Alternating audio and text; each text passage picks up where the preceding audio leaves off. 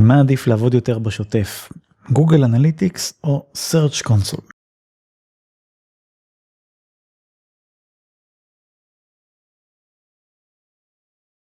אז זה תלוי במטרה ואיזה נתונים אתם רוצים לחלץ מכל אחד מהכלים האלה. אני למשל רוב הזמן עובד עם search console זה כלי מעולה אחד הכלים שאני יותר אוהב ב-SEO. הסיבה שאני משתמש בו בעיקר זה כי הוא מתייחס רק ל...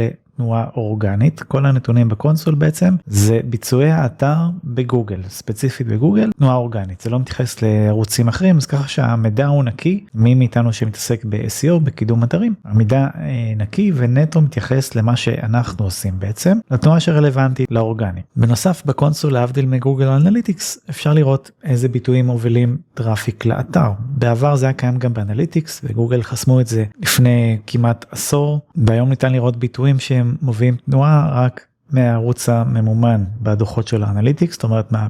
PPC, pay per click ב Google Ads אז לנו המקדים האורגניים הנתונים האלה בעצם הם, הם די באפלה. אנחנו יכולים פשוט לנתח איזה עמודים באתר מככבים יותר מביאים יותר traffic אבל לא נדע מה הם הביטויים. והביטויים כן רואים ב-search console ויש עוד מלא מלא דברים שימושיים שאפשר לעשות עם ה-search console למשל למצוא ביטויים שאנחנו דורגים עליהם שלא ידענו עליהם ואפשר לשפר את הדירוגים שלהם בקלות, אה, למצוא נושאים חדשים באמצעות אותם דוחות וכל מיני שגיאות טכניות באתר שהרבה מהם סתמיות, התייחסתי לזה לא מעט פעמים, אבל חלק מהדברים האלה באמת יכולים אה, אה, להועיל לנו. לעומת זאת ב Google Analytics אפשר לקבל נתונים קצת יותר רוחביים כאלה על יחסי המרה, איזה עמודים הביאו המרות או מכירות באתר, לידים, דברים כאלה שלא קיימים בקונסול.